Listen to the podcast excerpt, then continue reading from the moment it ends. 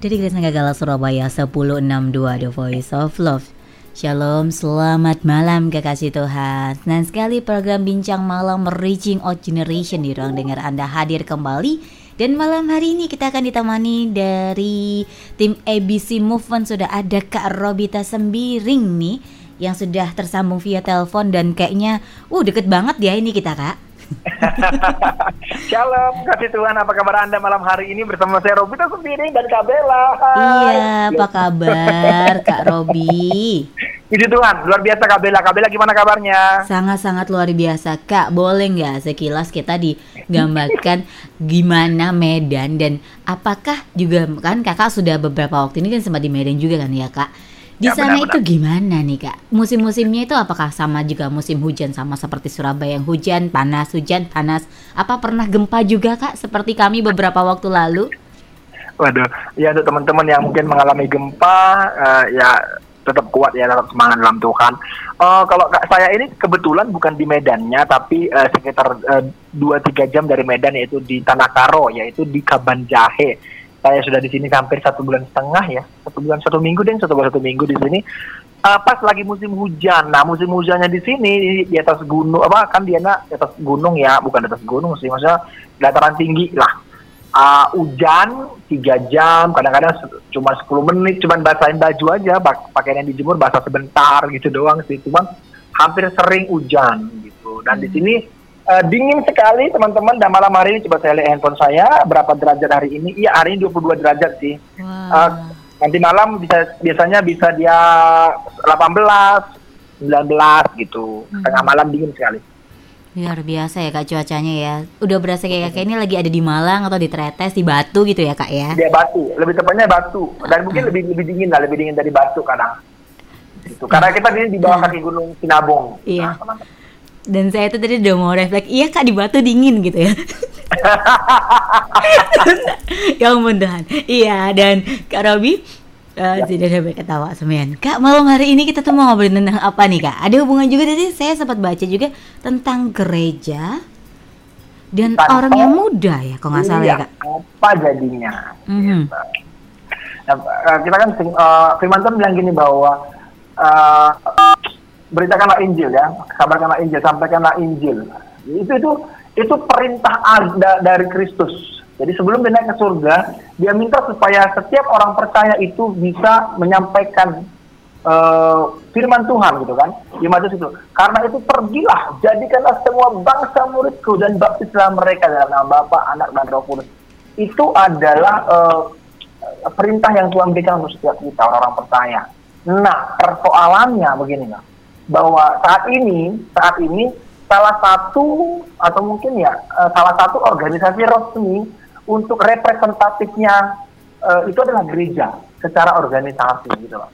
Di mana di, di, di dalam gereja itu uh, jemaat Tuhan itu diben, dibina, dibentuk secara iman, kemudian saling membangun, sharing firman Tuhan untuk mempersiapkan iman itu gereja adalah salah satu tempat.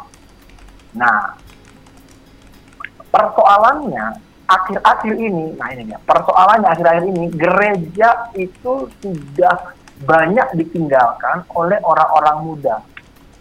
Itu, saya baru dapatkan uh, uh, apa share share di grup WhatsApp salah satu hmm. komunitas itu mengatakan dia dari dia dari Galup, ah, dari Galup. Sekarang begini bahwa pada tahun 2000 oh, tahun 1937 ya 1937 itu anak apa uh, orang dewasa yang ada di Amerika menyatakan dirinya itu orang sebagai orang Kristen itu 73 persen. Itu tahun 1937 bertahan sampai dengan 60 tahun 6 dekade 60 tahun itu sekitar 70 nggak berubah. Jadi 73 sampai 70 sampai 60 tahun Ya, sampai tahun 93 itu masih 70 persen yang mengaku mereka sebagai orang Kristen, orang Amerika. Tahun 2018 itu kayak terjun bebas. Jadi dari 93 sampai 2018 itu 50 persen doang yang mengaku sebagai orang Kristen. Tapi tahun kemarin 2020 hanya 47 persen orang dewasa di Amerika yang menyatakan diri sebagai anggota gereja. Kenapa? Karena ternyata kontribusi terbesar penurunan angka itu berasal dari kelompok milenial dan generasi Z. Tren ini ternyata juga terjadi di seluruh dunia. Kenapa? Orang tua-orang tua itu masih masih menjadikan iman Kristen mereka sebagai pegangan hidup mereka, pegangan pekerjaan mereka, pegangan rumah tangga mereka. Jadi Alkitab dan firman itu menjadi menjadi kiblatnya mereka, menjadi dasar hidup mereka. Tapi akhir-akhir ini harus diakui, gereja harus mengakui bahwa terjadi penurunan drastis sekali keanggotaan jemaat itu di anak-anak muda bahkan di negara Eropa kita tahu banget dicatat bahwa ada banyak gereja yang sudah diisi hanya orang para sepuh sepuh saja anak-anak mudanya sudah nggak lagi. Kenapa sih sebenarnya? Sih jawab gereja nggak nggak ada anak mudanya itu apa jadi? Kenapa? Apa yang membuat yang menjadi persoalan itu? Apa yang membuat anak muda itu meninggalkan gereja? Itu yang menjadi persoalannya kita. Ada banyak ada banyak ini ada banyak uh, alasan, ada banyak hal yang membuat anak muda itu meninggalkan gereja. Saya ketika ada di Surabaya, ketika ngobrol sama teman-teman, harus kita akui bahwa memang ternyata para hamba Tuhan juga menyatakan hal itu. Salah satu yang menjadi apa ya pergumulan, kekhawatiran, ketakutan dari para hamba-hamba Tuhan yang saat ini sedang ada di gereja itu adalah anak-anak muda dan termasuk anak-anak. Tapi karena malam hari ini kita masuknya anak muda, kita akan bahas anak muda. Ya. Hmm.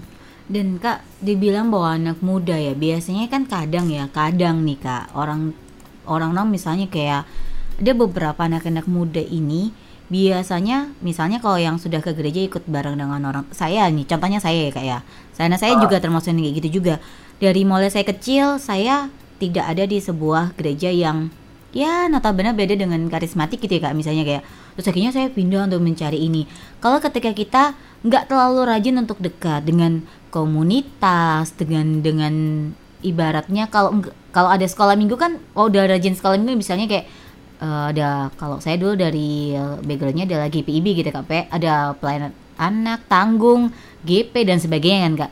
Kalau kita yang misalnya disedari awal sedari awal tidak terlalu dikenalkan akhirnya kan kalau kita membentuk komunitas dan akhirnya jarang ke gereja nggak sih kak? Kita apalagi anak-anak muda kan pasti yang aduh mah nggak ada yang asik mah di gereja inian. Muncul yang hal-hal yang seperti itu nggak sih kak untuk anak-anak khususnya ya. era sekarang? Bener banget. Apalagi tadi kalimat kalimat terakhir nggak ada yang asik. Wah bener banget. Kenapa? Ya yang bikin saya lucu ya bukan bukan lucu sebenarnya yang bikin saya sangat terenyuh ya para majelis para petinggi para diaken para pendeta para orang-orang penting di gereja itu menganggap ya menganggap jadi yang, yang sering sekali menjadi bentrok antara anak muda dengan uh, dengan uh, gereja dan seluruh petingginya adalah hal sepele sebenarnya. Apa yang dianggap oleh uh, orang tua itu penting, itu tidak dianggap oleh anak muda penting. Apa hmm. yang dianggap oleh anak muda yang itu penting, itu tidak dianggap oleh para orang tua itu penting. Itu yang menjadi tidak tidak ada titik temu di sana. Tahu nggak? Yang seperti yang kalimat kalimat terakhir yang Kak Bella ucapkan itu adalah salah satu rep, uh, salah satu perwakilan dari pernyataan anak-anak muda. Nggak ada yang asik. Kenapa? Mereka menganggap gereja itu adalah sesuatu yang membosankan. Terus mereka menganggap bahwa gereja itu adalah anak muda itu apa gereja itu tempat tempat orang kudus tempat dihakimi saja. Hmm. Anak-anak muda itu berpikir begitu. Jadi gereja itu jadi kalau sudah gereja pasti ada orang-orang yang menghakimi di sana aku nggak bisa buat begini yang buat saya lucu adalah gini loh hmm. ada satu anak ada satu kelompok anak muda yang pengen sekali uh, ini teman saya cerita jadi kelompok anak muda ini mereka cukup aktif di dalam gereja gitu nah mereka pengen mengadakan perubahan tapi sebenarnya perubahan itu tidak secara signifikan sebenarnya Maksudnya secara firman Tuhan itu tidak ada yang tidak ada hal yang perlu dipersoalkan. Itu hanya culture yang berbeda saja, budaya yang berbeda antara orang tua dan anak muda saja. Contohnya gini, mereka itu pengen sekali uh, buat lamp, apa buat lampu kelap kelip yang kayak lampu disco gitu loh, mm-hmm. di gereja gitu loh. Nah, kan sebenarnya hanya sebenarnya gini loh. Kenapa gitu? Kenapa mereka buat? Karena mereka buat itu di kota itu, itu sudah terbiasa. Di kota sudah terbiasa. Tapi uh, id, apa lampu yang disco itu identik dengan diskotik oleh orang tua orang tua ini. Jadi ketika mereka membuat konsep gereja apa anak muda ibadah anak muda itu mereka pakai uh, full musik, kemudian lampu yang kelap kelip. Saya saya sekali lagi tidak mempersoalkan hal ini ya, tidak mempersoalkan. Kami coba mencoba untuk membuka pikiran para pendengar kekasih Tuhan. Saya sedang tidak berdebat uh, ini. Maksudnya mungkin ada beberapa uh, gereja yang mungkin anti terhadap itu. Enggak, enggak, saya nggak soalkan itu. Bukan cuma itu aja, ini salah satu contoh kecil saja gitu loh. Anak muda itu pengen memiliki sesuatu yang contohnya tadi seperti tadi lampu yang kelap kelip gitu. Tapi orang tua orang tua beberapa diakan, beberapa petinggi atau penatua atau majelis yang menganggap bahwa itu identik dengan ini identik dengan diskotik dan mereka berkata bahwa itu nggak ada hubungannya dengan firman Tuhan seperti itu loh. Nggak ada hubungannya benar. Orang tua ini nggak salah pendapat para petinggi gereja ini nggak salah. Tapi mereka mencoba bertahan dengan pendapat mereka tanpa mengakomodir pendapat dan selera anak muda ini. Sebenarnya nggak ada yang salah kan? Sama seperti uh, sama seperti musik yang di zaman tahun 1700-an, 1800-an yang bisa masuk ke musik itu kan cuman uh, uh, piano, piano, organ, doang, organ doang. Tahun 1600 kan mungkin nggak boleh gitu. Mungkin seperti itu gitu loh. Tapi sekarang bukan cuma organ saja yang boleh masuk malah drum malah seperti konser ada banyak orang-orang tua apa, apa bukan orang tua sih pendapat beberapa pendapat yang mengatakan gereja kok kayak konser hmm. jadi itu kan itu, menurut saya gini itu kan soal selera firman Tuhan jelas mengatakan bahwa yang berharga itu adalah jiwanya maka rebutlah jiwanya, selamatkanlah jiwanya berapapun harganya. Kan begitu. Itu kan konsep yang benar gitu loh. Ya jangan juga kamu buat ke gereja. Kalau gitu mari kita ke gereja mari kita merokok sama-sama. Itu nggak hmm. benar juga gitu. Tapi selama selama itu tidak melanggar apa yang menjadi uh, apa yang menjadi tatanan Alkitab bagi saya ayo bayarlah berapapun harganya.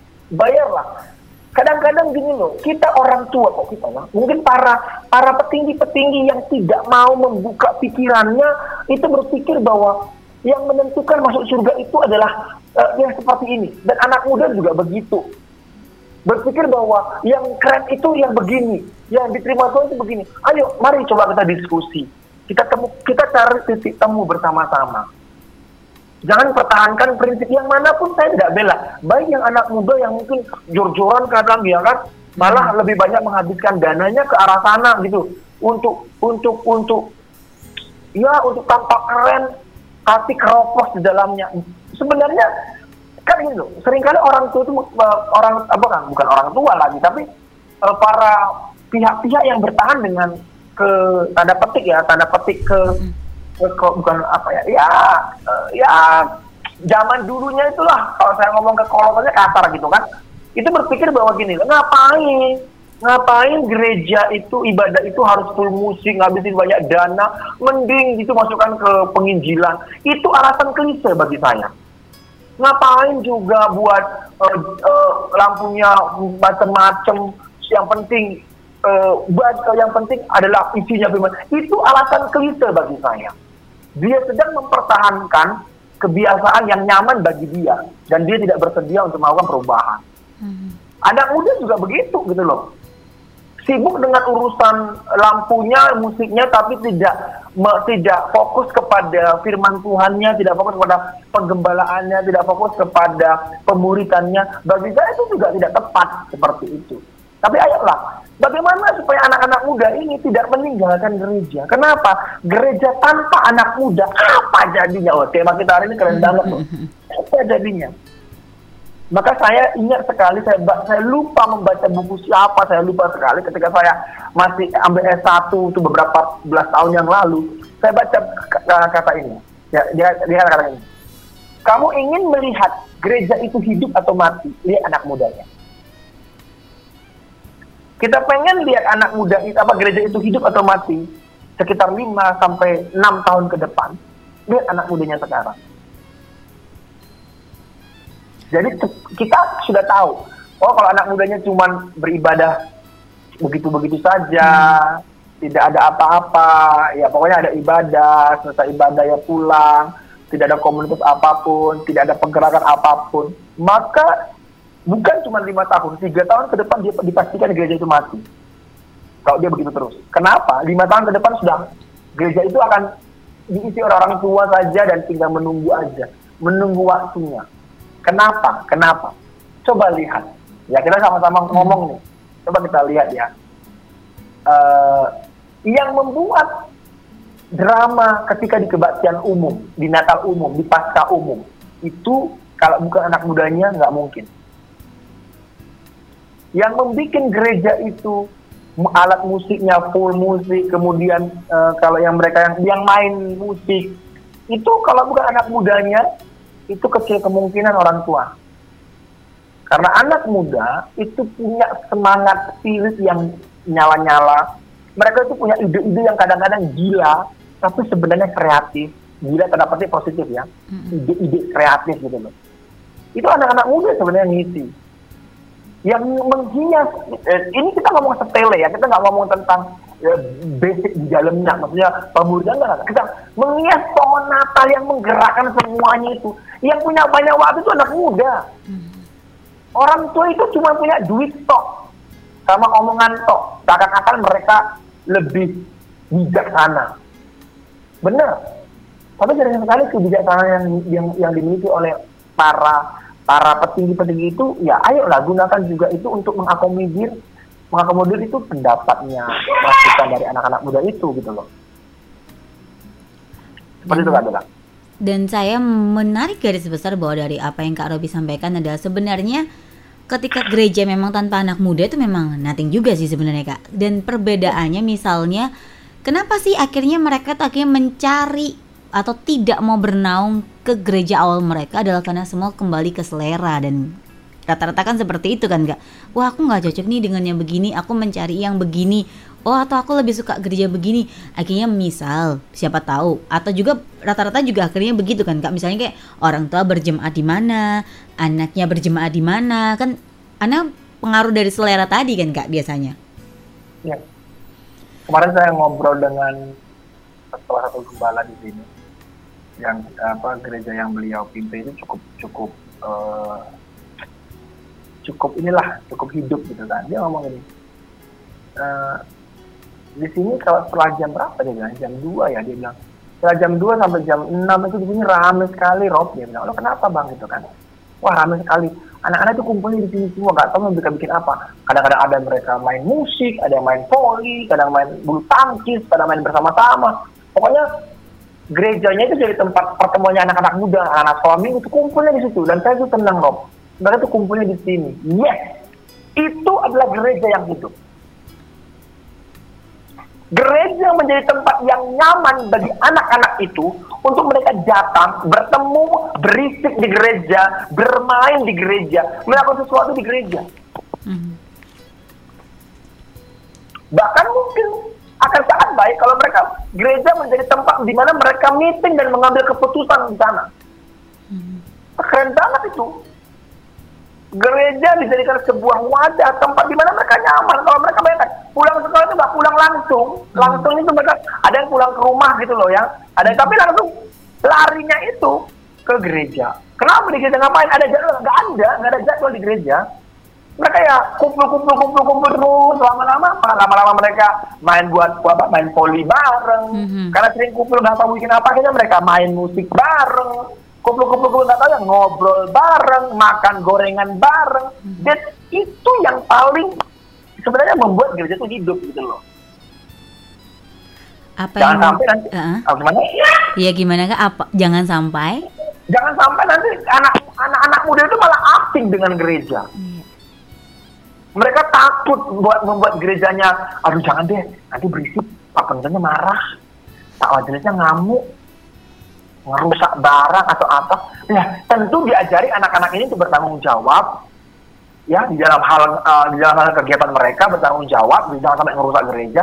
Tapi bukan jangan sampai buat mereka itu takut datang ke gereja. Gereja itu tempat sebagai tempat yang angker. Kalau enggak, maka gereja itu akan mati. Karena kan sebenarnya fungsi gereja itu apa sih? Kan mereka harus bisa memuridkan. Bagaimana cara gereja bisa memuridkan anak muda? Kalau anak muda itu, kalau sorry, kalau gereja itu tidak menjadikan dirinya tempat yang nyaman dan aman bagi anak-anak muda. Nah, anak muda ini sering kali berpikir gini loh, gereja itu sering kali menyalahkan budaya zaman sekarang. Kayak gadget nggak bisa, kalau ke gereja harus pakai pakaian tertentu. Ya tentu saja kamu harus menggunakan etika dong ke gereja gitu ya. Jangan sampai kamu menggunakan pakaian-pakaian yang tidak senonoh gitu. Tapi ada beberapa gereja yang saya tahu nggak boleh pakai pakaian di luar warna ini gitu. Hmm. Nggak bisa juga gitu loh. Itu kan membuat loh ini sudah bukan zamannya lagi. Itu kan gak ada hubungannya dengan firman Tuhan. Harus ke gereja dengan baju warna kuning contohnya gitu Kecuali kalau memang itu grup band atau mungkin core, itu oke. Okay. Tapi ayolah, ini zaman sudah berubah. Jangan sampai anak muda itu meninggalkan gereja hanya karena hal-hal yang tidak rohani. Betul. Tentu di gereja jangan merokok. Tentu di gereja kamu tidak boleh cabul. Oh, bukan bukan di gereja, tapi hmm. anak-anak hmm. Tuhan nggak boleh cabul. Anak Tuhan nggak boleh merokok. Anak Tuhan itu hidup kudus. Gitu. Tentu itu harus berlaku bagi mereka. Tapi jangan pula kamu marahin ke orang ke gereja gara-gara mereka pakai celana jeans. Benar itu loh. Itu yang menjadi kekonyolan bagi saya karena apa? Itu akhirnya membuat anak-anak muda itu meninggalkan gereja. Kenapa? Begitu mereka apa? Begitu mereka menemukan tempat yang aman dan nyaman di luar gereja, maka gereja yang menggunakan seluruh tenaga untuk meraih mereka kembali itu sulit sekali. Sulit sekali bagi gereja untuk gereja harus mengeluarkan banyak dana, banyak energi, banyak resource untuk membuat anak-anak muda yang sudah nyaman di dunia sana, di luar itu, untuk kembali ke gereja. Maka setelah, sebelum mereka bisa menemukan tempat yang nyaman di dunia, gereja harus menjadikan dirinya tempat yang aman dan nyaman bagi anak muda. Mm-hmm. Itu penting sekali. Kenapa tadi situ saya kira kayak tertawa kak? Karena kakak tadi mengatakan bahwa gereja itu memang benar-benar harus membuat tempat yang nyaman. Itu membawa saya flashback ke berapa tahun yang lalu, di mana saya waktu masih kecil pun itu kami gitu kami dengan generasi generasi generasi maksudnya era-era saya itu adalah orang-orang yang sangat-sangat nyaman di gereja. Ibaratnya kami setelah sekolah minggu kami sembari menunggu itu biasanya kami mainan di gereja. Bahkan itu iklim akhirnya sampai di teman-teman pemuda kakak-kakak saya gitu era-era itu adalah kadang mereka main olahraga itu juga di gereja kak karena ada lapangan juga. Atau bahkan kami misalnya main kejar-kejaran atau apa pun gitu. Bahkan itu kalau kami kejar-kejaran tuh sampai saking saking kita bandelnya gitu misalnya gitu. Ke sampai ke tempat yang majelis gitu kadang masih hitung persembahan itu kita lewat gitu kak. Tapi kita nggak pernah ditegur dengan yang misalnya dimarahi langsungnya. Ya mungkin kita dikasih tahu tapi tidak dengan yang sarkas banget gitu. Misalnya langsung dengan intonasi yang kamu nggak boleh begini. Akhirnya kita takut dan nggak mainan. Nggak juga sih gitu. Dan akhirnya saya melihat bahwa iklim-iklim yang seperti itu buat saya sih saya waktu itu belum pemuda banget sih kak. Masih ya ibaratnya kalau di tempat saya tuh kayak masih tanggung lah masih SMP dan sebagainya kami nyaman akhirnya bermain di gereja menunggu di gereja kita ibaratnya main musik di gereja juga dengan nyantai gitu karena kami melihat itu sudah ada dari generasi-generasi sebelumnya di era itu pun juga memperlakukannya seperti itu. Ya, benar-benar banget. Jadi apa yang dikatakan Kak Robi itu sebenarnya sangat terlihat sekali ketika mungkin di sini ada kekasih Tuhan yang mereka adalah pemimpin gereja misalnya pengurus gereja ya kak ya. Kan khususnya kita membahas tentang gereja bahwa membuat suasana yang nyaman di gereja itu sangat penting sekali gitu ya kak ya. Ya. Dan uh, ini juga ini juga tugas orang tua sebenarnya. Bagaimana supaya anak-anak apa supaya gereja ini juga diisi oleh anak-anak kita anak-anak muda. Ayo mama papa mama papa itu para uh, kekasih Tuhan yang sudah punya anak-anak sekolah minggu, anak-anaknya usia sekolah minggu, ya bawa anak-anak itu gereja. Kenalkan gereja kepada mereka. Karena kalau enggak, kalau gereja tidak diisi oleh anak-anak muda, maka gereja itu akan mati. Dan ketika gereja itu mati, maka gereja adalah salah satu tempat representatif di mana firman Tuhan itu bisa disampaikan di seluruh dunia. Hmm. Ini adalah sebuah wadah organisasi, bukan satu-satunya. Tapi gereja adalah wajah resmi yang sudah diakui oleh banyak negara gitu kan, jadi sebagai organisasi di negara ini, kita negara kita inilah khususnya gitu. Sebagai tempat penginjilan yang paling efektif sebenarnya untuk memperlengkapi anak-anak kita. Tapi sering kali kita menggunakan batasan-batasan yang terlalu banyak sehingga anak-anak muda itu sudah malas masuk ke gereja. Anak-anak muda itu sebenarnya tau gak? Mereka itu pengen dimentori, bukan dikorban. Anak-anak muda itu pengen dimentori, bukan dikorban. Kenapa? Saya ingat, saya ingat satu kali uh, apa yang ngomong begini. Mereka bilang begini bahwa oh ini apa mentor saya ketika saya masih di kampus dulu. Mereka bilang uh, mereka bilang ini, kami kan waktu itu melayani anak-anak SMA, anak-anak SMP di Surabaya gitu ya Nah, kemudian dia bilang gini, kakak pimpinan saya ini yang ngomong gini bahwa anak-anak muda ini itu mereka itu pengen didengar. Mereka sudah tahu kok kalau mereka itu berdosa. Mereka sudah tahu kalau mereka itu berbuat salah dengan dengan tontonannya, dengan pergaulannya. Mereka sudah tahu kalau mereka itu berdosa. Gak usah ditunjukkan dosanya, karena semua orang menuding mereka karena dosanya. Tunjukkan kasih Kristusnya. Dengan menunjukkan kasih Kristusnya, maka mereka akan melihat betapa berdosanya mereka. Tunjukkan kasih saja. Terima mereka, mentori mereka. Karena itu kan anak-anakmu itu suka ini ya, kayak suka figur. Mm-hmm.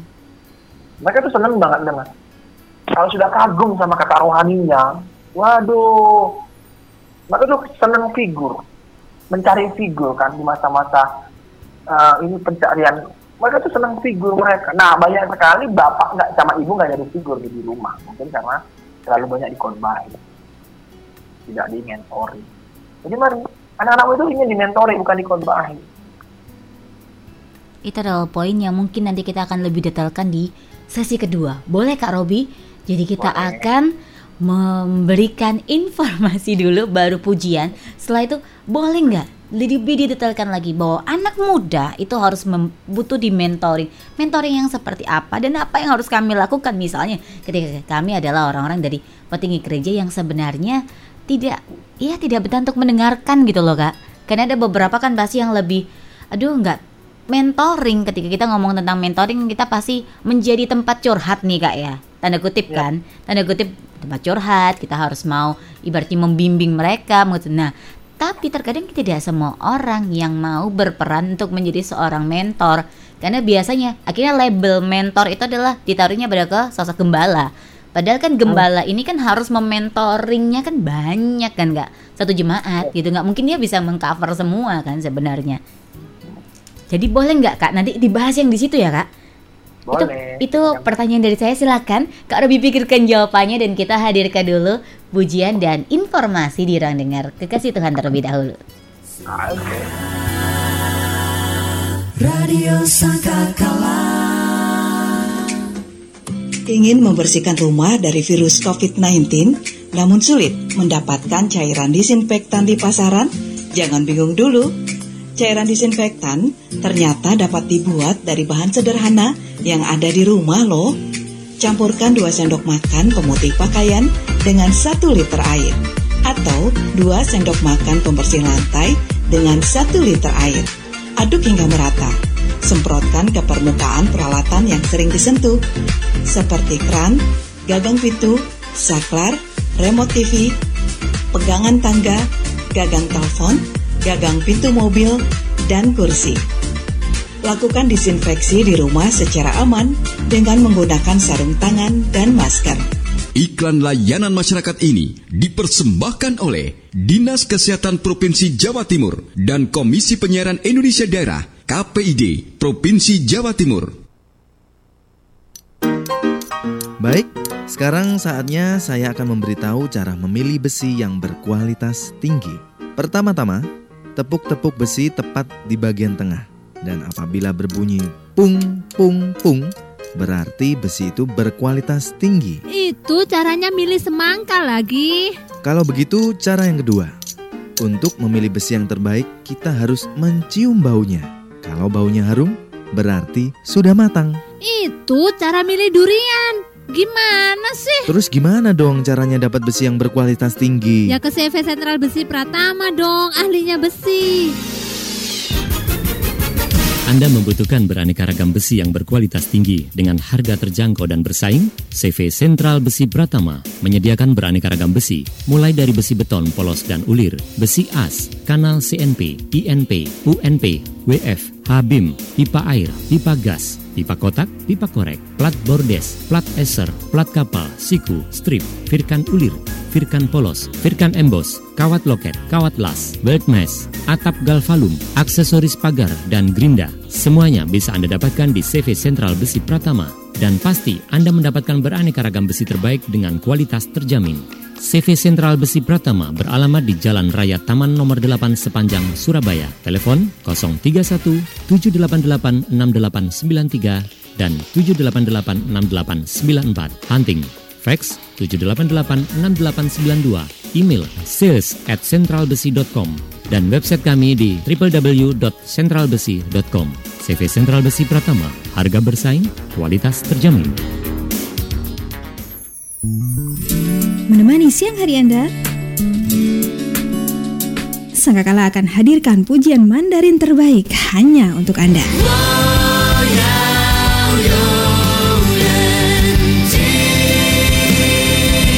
Ya, Anda dapat menikmati pujian Mandarin dalam Mandarin Program.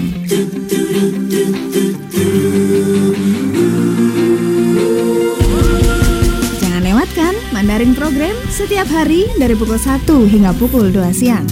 一次，我真智慧。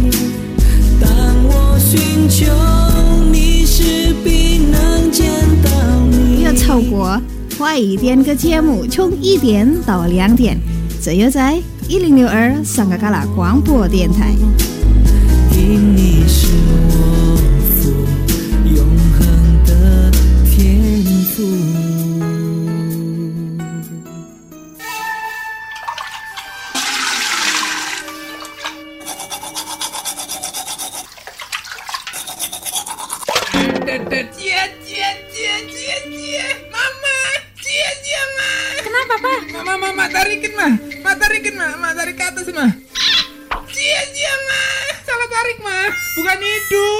Bukan hidung, ma. Pinggang, ma. Pinggang. Aduh. Ah, lega.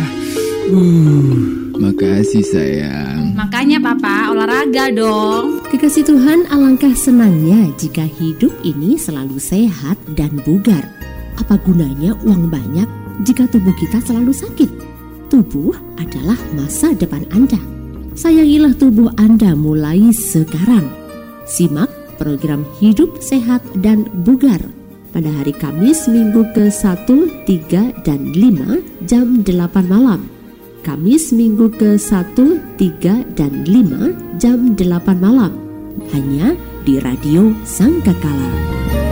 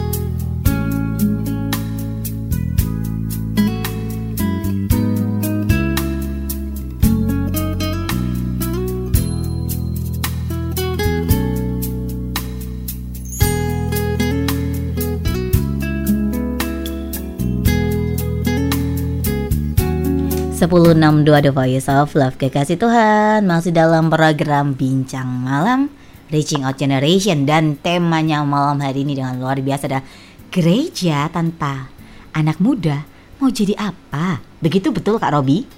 Ya, jadinya apa? Apa jadinya? apa jadinya nih Kak?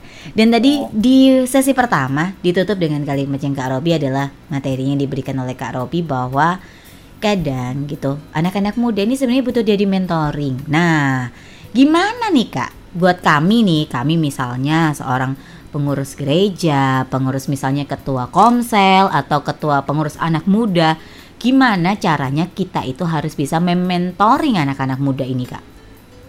Nah, yang pertama bahwa ketahui dulu prinsip bahwa sebenarnya penggembalaan, eh, sorry, uh, bukan penggembalaan ya. Memang pengurus gereja itu punya tugas untuk menggembalakan. Tapi setiap kita secara pribadi itu diberi perintah tadi sama seperti ayat yang saya bacakan di Matius 18 tadi ya. Matius 26 sorry. Matius 26 perintah agung itu ya. Jadi itu adalah tugas setiap kita. Jadikan semua bangsa muridku. Menjadikan murid itu tugas semua pribadi. Itu bukan tugas pengurus gereja uh, bagian penggembalaan doang. Bukan itu yang penting harus diketahui oleh para pelayan-pelayan Tuhan, para, para anggota jemaat. Jadi ketika ada temenmu yang mungkin temennya yang mungkin tidak datang, atau yang sakit atau apa, ya kunjungilah dia. Kunjungilah dia atas nama gereja, kunjungilah dia atas nama Kristen, kunjungilah dia atas nama pribadi, kunjungilah dia sebagai seorang uh, diri apa tempatkan dirimu sebagai seorang pelayan Tuhan karena beritakanlah Injil. Itu tugas setiap kita. Memuridkan itu tugas setiap kita. Memang para pengurus gereja, para pengurus pemuda itu punya tugas yang spesifik untuk menjadi seorang apa untuk menginjili atau mengembalakan. Tapi bukan berarti bahwa kita yang tidak punya tugas apa-apa itu bebas tugas. Tidak ada orang yang benar-benar bebas. Itu yang, yang pertama. Punya terus kemudian punya prinsip jiwa itu penting. Ya, kalau jiwa, jadi tadi kalau jiwa itu penting, maka kamu tidak akan menunggu orang lain untuk untuk me, ya, ya kamu bisa berperan lah gitu loh kira-kira di sana gitu loh. Mm. Apa yang kamu harus lakukan sebagai seorang pengurus apa sebagai seorang anak muda gitu? jadi teman untuk mereka.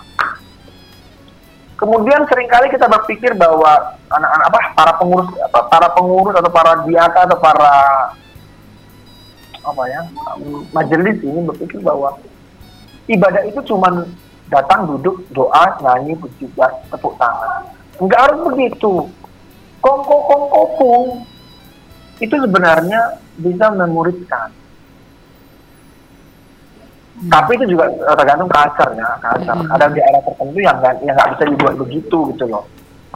Tapi sebenarnya kan firman Tuhan prinsipnya apa sih? Dua tiga orang berkumpul dalam nama aku aku hadir di sana Tuhan nggak bilang gini bahwa kamu harus ada dalam gedung gereja yang ada musiknya. Kemudian ketika ibadah ketika doa itu kamu harus dua dua lagu lambat satu lagu cepat kemudian lagu lambat lagi dua lagu firman Tuhan. Nggak itu yang Tuhan katakan bahwa dua tiga orang berkumpul dalam nama aku. Aku hadir di sana. Maka sebenarnya ketika kamu ada duduk di di apa di, di kafe bareng-bareng sama teman-teman seimanmu ngobrolin firman Tuhan itu adalah bagian dari sebuah komunitas tapi kita akan kembali lagi ke gereja tanpa anak muda tidak terlalu menjauh gitu kan. Kalau anak-anak muda jadi bagaimana caranya? Libatkan anak-anak muda yang lain. Libatkan. Jadi para para pelayan Tuhan para oh, sorry sorry para majelis para dia akan hamba-hamba Tuhan dalam dalam gereja itu harus benar-benar membuka ruang membuka ruang untuk anak-anak muda bisa menjadi seorang penginjil bagi teman-teman yang lain. Karena akan sangat mudah ketika anak muda menjangkau anak muda itu akan sangat mudah maka apa sih tugas-tugas para majelis ini para majelis ini memperlengkapi anak-anak muda untuk mereka bisa menjadi penginjil-penginjil untuk menjadi orang-orang bisa menjangkau anak muda lain Kenapa? Karena memang sebagai orang karena saya sudah sebagai orang tua aku perlu belajar. Saya sendiri punya anak yang usia 9 tahun. Apa eh, eh, kebiasaan kesukaan kayak otomatis gitu loh. Khotbahin kayak otomatis kan loh ada salahnya itu kan harus sebenarnya di mentoring kan bukan di khotbahin. Ini loh, mentoring itu di mentoring gimana? Ini loh, yuk ini ka- kamu lihat apa yang aku lakukan dan ayo kita lakukan bersama-sama. Itu loh, itu mentor kamu lihat ya ini aku lakukan ini terus ayo contoh apa yang aku lakukan dan mari kita lakukan bersama-sama itu adalah apa sikap yang baik dari seorang mentor itu yang dilakukan oleh seorang mentor. Kalau khotbah hmm, cuma ngomong dong. Memberi seperti memberi nasihat terus sepanjang sepanjang jalan gitu kan. Gitu. Jadi anak gereja kan anak muda apa jadinya? Gereja itu mati. Gereja tanpa anak muda gereja itu mati. Tinggal tunggu waktunya saja gereja itu akan mati. Anak muda lah yang meng anak muda lah coba ya ini kita ngomong tidak saya tidak melihat ini sebagai apa? Kita lihat ini seperti uh, secara umum ya kita lihat secara kasat mata lah coba lihat siapa yang menggerakkan sekolah minggu kalau yang mengajar sekolah minggu, saya tidak menyalahkan uh, para orang tua yang sekolah minggu, yang saya tidak menyalahkan orang tua yang jadi guru sekolah minggu. Tapi coba lihat, sekolah minggu yang hidup adalah sekolah minggu yang diisi oleh guru-guru sekolah minggu yang anak-anak muda. Karena apa? Mereka tanda petik gila, gila itu kreatif ya, gila positif. Tanda petik itu kreatifnya luar biasa. Dan mereka mau mencari cara bagaimana supaya ide mereka itu dijalankan mereka mau berusaha keras. Bahkan kalau gereja bilang, saya pernah dengar gini, uh, ada, ada ada sebuah komunitas bilang Pak Pendeta izinkan saja, kami sendiri yang akan mengerjakan, kami yang cari dana. Bayangkan, itu anak muda loh. Kami nggak minta uang dari dari dari dari gereja, nggak minta kami. Pokoknya kami cuma satu aja, izinkan saja. Ketika diizinkan, mereka cari-cari dana sendiri, mereka bergerak-bergerak sendiri, karena mereka punya energi yang banyak, energi yang besar. Coba lihat ya, saya kembali lagi ke pembahasan yang tadi yang belum sempat saya jawab, eh, yang saya jelaskan. Coba lihat, sekolah minggu itu diisi oleh guru-guru yang anak muda, maka sekolah minggunya akan lebih berkembang. Sekali lagi saya tidak saya tidak mengatakan bahwa sekolah minggu yang diisi oleh orang tua nggak berkembang, nggak. Tapi saya bilang, coba lihat, yang diisi orang-orang anak muda itu mereka lebih lebih gila-gila soalnya gila-gila kayak yang positif kemudian coba lihat diisi oleh apa uh, litur bukan liturgi tapi apa ibadah gereja itu itu kalau di, di jadwal di, di, di konsep oleh anak muda itu hasilnya ngeri loh. Anak-anak muda itu. Maka sebenarnya yang bikin anak apa gereja itu hidup ya anak-anak mudanya. Nanti kalau kita mundurkan lagi, kalau sekolah minggunya tidak ada atau tidak hidup, coba lihat lima tahun lagi, maka gereja, anak mudanya akan mati. Maka kalau anak mudanya mati, maka lima tahun lagi ibadah umumnya akan mati, akan diisi oleh kita orang-orang tua, gitu loh. Jadi kayak berasa efek domino gitu ya kak. Jadi semua Iya. akan kena imbasnya ya. Iya, benar sekali. Jadi ayo Mm-mm. para para para gereja, para para orang tua yang hari ini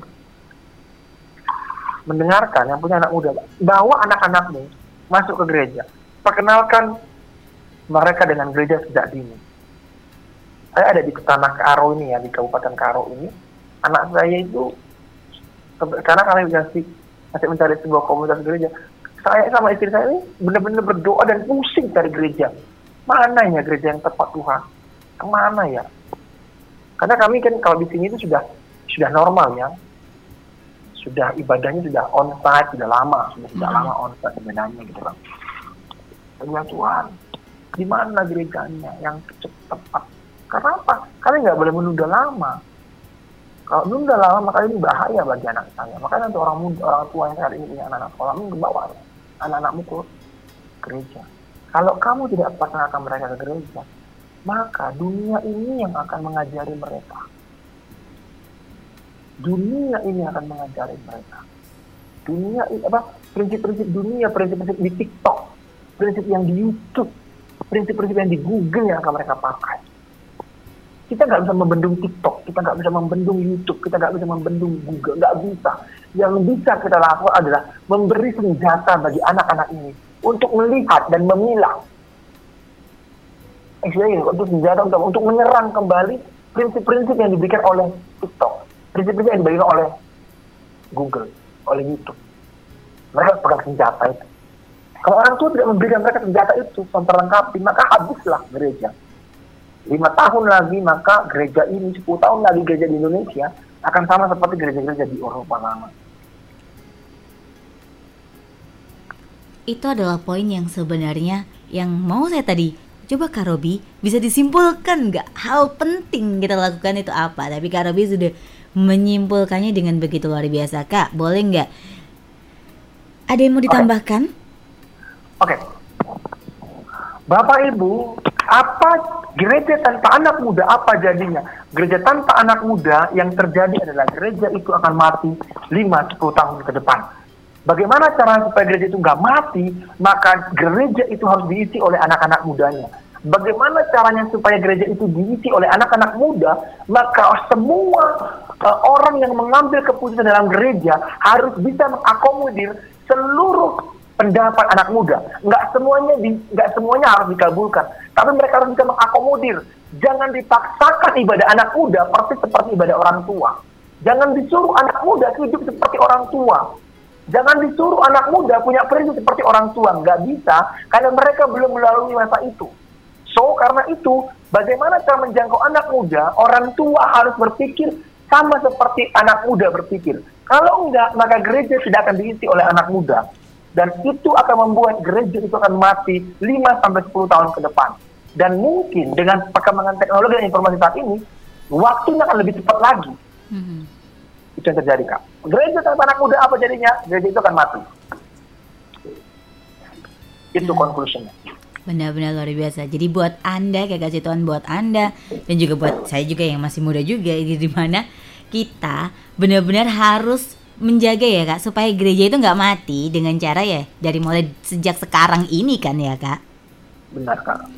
Terima kasih banyak Kak Robi. Sebenarnya waktu satu jam itu kurang anu ya kak, kurang gitu rasanya untuk membahas topik ini yang untuk di dalam dan didalamkan lagi dan menyadarkan. Tapi setidaknya satu jam ini buat para kekasih Tuhan yang mungkin juga pengurus gereja, diaken dan semua akhirnya tersadar ya kak, Betul supaya se supaya ibaratnya menjaga asetnya, ibaratnya anak muda ini kan juga termasuk aset gereja juga kan kak? Yes. Jadi buat Anda semua kekasih Tuhan, apa yang di-sharekan malam hari ini oleh Kak Robi, semoga bisa jadi berkat ya. Dan Yes. sampai ketemu juga Kak Robi. Uh, Sampai ketemu, sampai ketemu via telepon ya. Walaupun kami berharap Kak Robi bisa di sini oh enggak ya. Sampai jumpa di uh, selanjut selanjutnya siapa tahu dengan topik-topik yang keren lainnya. Terima kasih buat waktunya Kak Robi dan juga buat semua kekasih Tuhan. Jangan ke mana-mana karena sesaat lagi program Word of God hadir di ruang dengar Anda akan hadir pendeta Jeffrey Rahmat yang menemani Anda dari jam dari mulai jam 9 ini. Jadi jangan ke mana-mana, stay tune terus. Selamat malam dan God bless you all. Bye.